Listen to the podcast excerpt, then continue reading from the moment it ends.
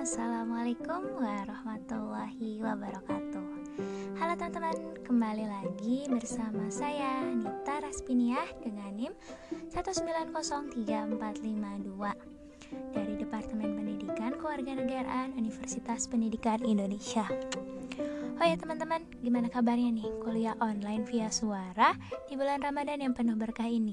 Semoga senantiasa diberi kesehatan, kelancaran juga kemudahan dalam menjalankan ibadah puasa bagi yang menjalankannya. Amin. Baiklah teman-teman, ada yang tahu nggak nih pada podcast kali ini kira-kira mau ngapain ya?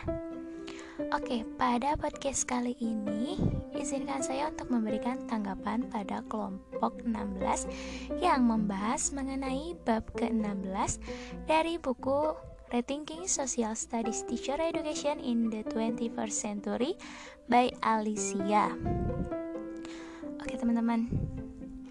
Saya sebelumnya saya mengapresiasi dan berterima kasih kepada tim penyaji yang telah menyampaikan materi yang sangat menarik ini.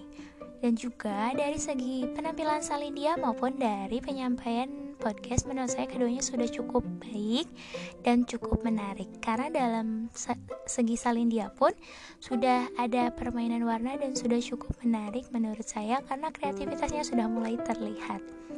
Baiklah teman-teman, dari segi Salindia, saya sangat suka akan penampilannya, akan tetapi saya izin memberi masukan kepada tim penyaji yaitu alangkah lebih baiknya apabila dalam membuat Salindia atau makalah atau hal lainnya, karya tulis lainnya untuk lebih memerhatikan tanda baca. Karena pada Salindia ini Sepertinya ada beberapa halaman yang tertinggal tanda bacanya seperti tanda titik pada slide ke-9, slide ke-11, dan juga slide-slide selanjutnya. Mohon untuk lebih diperhatikan. Baiklah, dari segi materi yang disampaikan oleh tim penyaji ini cukup menarik menurut saya karena membahas mengenai foto medo, me, foto metodologi sebagai penelitian partisipatif. Kenapa menurut saya sangat menarik? Karena pada bab ini menjelaskan bahwasannya pembelajaran bisa kita kreativitas kreativitaskan. Salah satunya dengan fotografi. Kenapa sih fotografi menurut saya sangat menarik? Karena dengan adanya fotografi ini kita bisa lebih mengeksplor ide-ide dari siswa nantinya di mana siswa pun akan lebih tertarik untuk melakukan pembelajaran dan untuk bisa lebih mengoptimalkan ide-idenya dalam bentuk yang mereka kehendaki tentunya. Dan juga foto metodologi ini merupakan menurut saya merupakan salah satu bentuk positif dari adanya teknologi dan kecanggihan.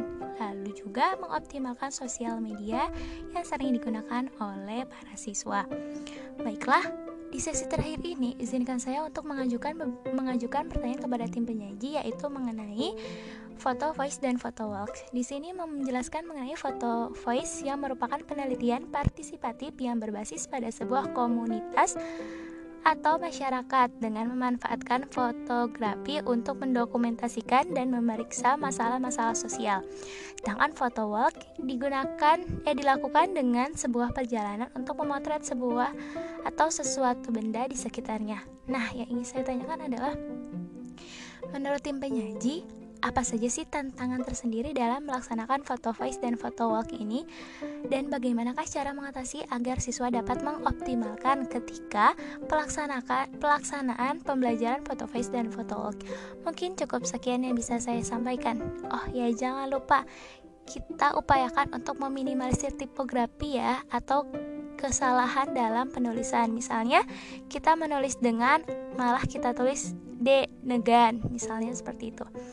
Mungkin cukup sekian yang bisa saya sampaikan. Kurang lebihnya mohon dimaafkan apabila dalam penyampaian podcast saya terdapat kesalahan. Mohon untuk dikoreksi. Terima kasih. Wabillahi taufiq walhidayah. Wassalamualaikum warahmatullahi wabarakatuh.